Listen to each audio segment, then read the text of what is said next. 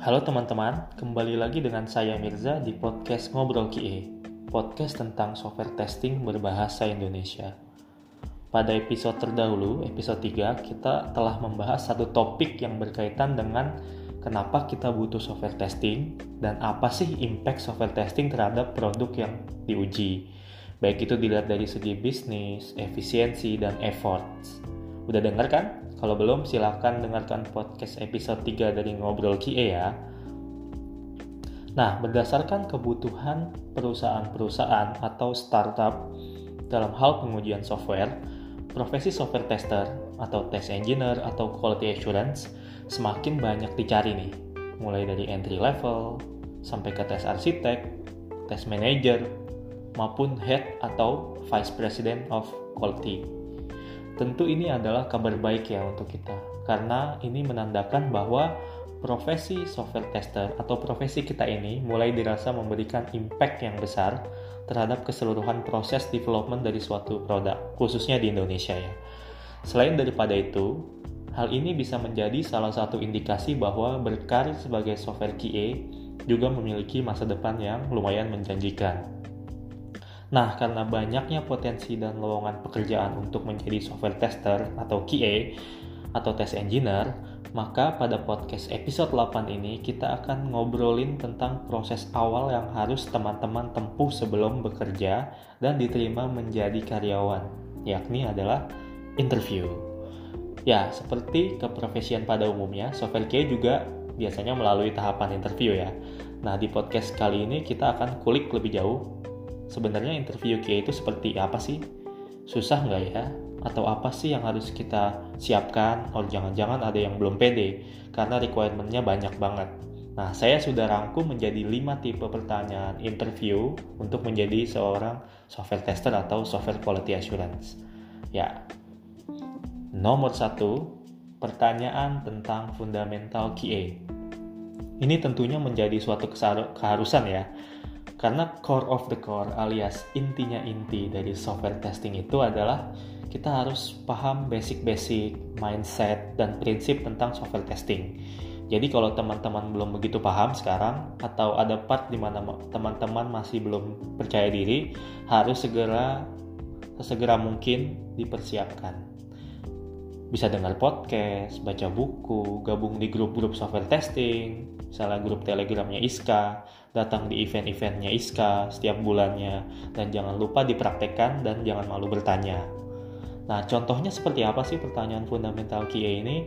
Contohnya tuh misalnya lebih ke pertanyaan basic ya, seperti apa itu testing, apa itu white box, black box testing, apa sih beda functional testing dan non-functional testing, apa itu equivalence partitioning dan boundary value analysis.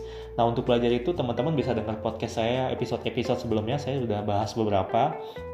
Nah mungkin pertanyaan lainnya bagaimana cara kita membuat, mengeksekusi dan melaporkan hasil testing atau bahkan kadang ditanyain juga tentang seven principle of testing atau tujuh prinsip dasar dari software testing. Itu juga ada di podcast episode 2 ya. Oke, selain dari pertanyaan tentang fundamental QA, kelompok yang kedua adalah pertanyaan yang terkait dengan proses pemodelan software yang digunakan dan software testing life cycle juga. Nah, seperti halnya yang sudah kita tahu bahwa sebuah software biasanya dibuat dengan menggunakan metodologi atau pemodelan software tertentu. Jenisnya pun berbagai macam, namun yang biasa kita kenal ada model waterfall atau model agile. Nah, interviewer biasanya akan menanyakan SDLC apa sih yang teman-teman ketahui dan mungkin sudah pernah implementasi uh, software testing di SDLC yang tipenya seperti apa? Waterfall kah? Agile kah? Nah, misalnya pakai agile nih, bagaimana ritual agile-nya? Apakah teman-teman uh, ikut daily stand up? Apakah teman-teman uh, sudah mengikuti retrospektif? Nah, kalau misalnya apakah menjalankan ritual agile dengan baik? Kalau pakai waterfall mungkin lebih ke pertanyaan yang berkaitan dengan apakah sudah ikut requirement gathering dan uh, posisi testing dalam cycle waterfall itu seperti apa. Nah, itu ya dari SDLC. Selain SDLC, biasanya para interviewer juga akan menanyakan STLC nih, alias Software Testing Lifecycle. yaitu siklus dari proses software testing itu sendiri. Contohnya, teman-teman mulai testing dari mana sih? Dari buat test plan dulu kah? Atau langsung buat test case? Atau seperti apa penerapannya? Nah, contohnya misalnya test plan, apakah test plan itu perlu dibuat? Bagaimana proses eksekusi testingnya? Lalu gimana kita menarik reportnya? Dan lain-lain. Nah, ini yang berkaitan dengan pemodelan software atau pemodelan uh, software testing secara life cycle-nya. Nah, ini adalah kelompok kedua setelah fundamental. Kelompok ketiga adalah pertanyaan terkait technical skill atau basic coding skill. Menjadi seorang software tester tentunya akan sangat dekat ya dengan proses software engineering itu sendiri. Karena kitalah yang akan menguji software yang telah dibuat oleh teman-teman developer. Banyak nih yang sering bertanya kepada saya, kira-kira jadi tester itu harus bisa ngoding gak sih bang? Nah, dan saya selalu bilang sih, harus at least di level basic. Kenapa harus? Karena kita pasti membutuhkan technical skill berupa basic coding di keseharian kita. Contohnya saat mendebug aplikasi, menggunakan terminal Linux misalnya, dan hal-hal teknis lainnya seperti men-setup data, uh, harus query database. Nah, seperti misalnya nanti mungkin ada expertise tertentu seperti coding automation, membuat script untuk load test, Nah, selain itu kita juga harus bisa basic coding skill seperti sebenarnya sesimpel tahu apa itu variabel, tipe data itu apa aja, ada string, ada array dan segala macam. Ada regardless apa sih bahasa yang digunakan, tapi kita harus tahu tuh basic coding skillnya. Oke. Okay? Nah, contoh pertanyaan tuh misalnya apa itu kelas, apa itu method, terus selektor yang udah pernah teman-teman ketahui itu apa aja untuk automated test? Misalnya apakah lebih sering pakai CSS apa itu absolute expect apa itu expect sendiri?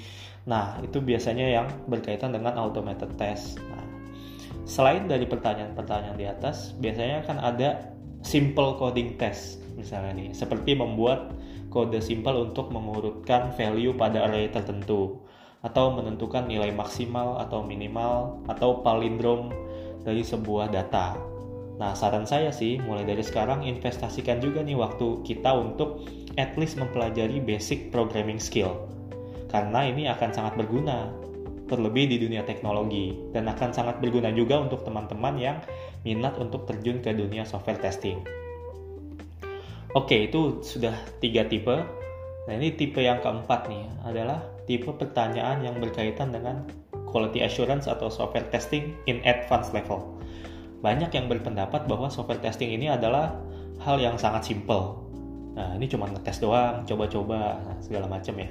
Ini biasanya terlontar nih dari orang-orang yang belum terjun secara langsung atau belum begitu paham tentang software testing. Karena nyatanya yang sudah kita tahu, uh, sebagian dari teman-teman tahu mungkin uh, software testing itu merupakan suatu profesi yang justru membutuhkan analytical thinking yang tinggi Nah, justru lebih tinggi dibanding dari teman-teman yang mungkin seprofesi profesinya IT juga gitu ya.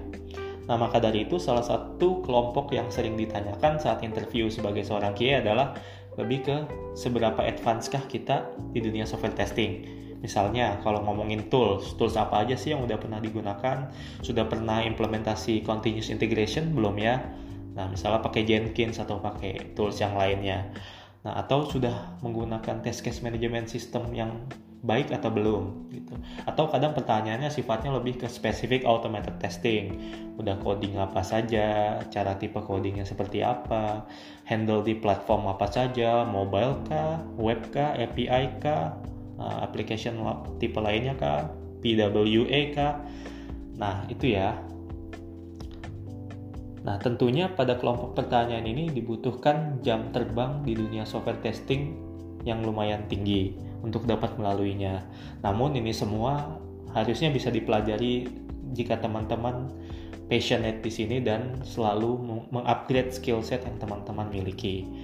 Nah, dari empat tipe pertanyaan saat interview sebagai seorang test engineer yang sebelumnya sudah kita obrolin, ini saya dapat dari pengalaman secara general ya. Dan ada kalanya interviewer menanyakan hal-hal yang lebih spesifik atau yang lebih isolated. Nah, tapi tidak jarang juga memberikan satu tipe lagi nih, yaitu tipe kelima, yaitu tentang logika berpikir dan problem solving. Nah, untuk tipe kelima ini sangat beragam ya pertanyaannya. Saya pernah dapat pertanyaan misalnya uh, berapa banyak bola golf yang muat untuk di Boeing 747 atau kalau bayangin luas uh, luas kota Jakarta tuh berapa dan butuh berapa pom bensin kalau misalnya uh, penduduknya satu juta orang misalnya. Nah untuk tipe-tipe uh, yang seperti itu teman-teman harus memberikan pandangan teman-teman terhadap kasus yang diberikan Nah itu tipe kelima itu karena beragam banget jadi harusnya prepare ya. Prepare dari sebelum interview mungkin bisa baca-baca ada yang sudah pernah share mungkin pertanyaan-pertanyaannya dan kadang tuh jawabannya bukan benar atau salah gitu. Kita kadang-kadang interviewer tuh hanya untuk melihat sebenarnya analytical thinkingnya tuh seperti apa sih logika berpikirnya tuh sejauh apa nah, atau kompleksitas cara teman-teman berpikir dan problem solvingnya tuh seperti apa gitu Nah itu ya, jadi itu adalah lima tipe uh, dari pertanyaan interview saat ingin menjadi software tester. Ada satu tipe fundamental QA, dua tipe SDLC dan STLC-nya, tiga tipe teknis dan basic coding skill, keempat tipe QA in advanced level, dan yang kelima adalah tipe logical thinking dan problem solving.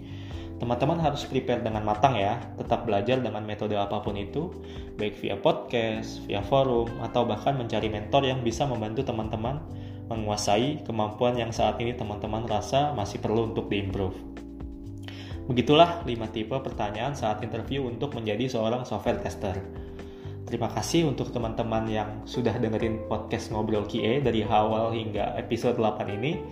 Saran dan kritik teman-teman membangun dan selalu saya tunggu bisa langsung telegram saya atau chat saya via LinkedIn message. Mari kita asah terus kemampuan kita di dunia software testing. Sampai jumpa di episode Ngobrol QA selanjutnya. Salam Ngobrol QA. Terima kasih.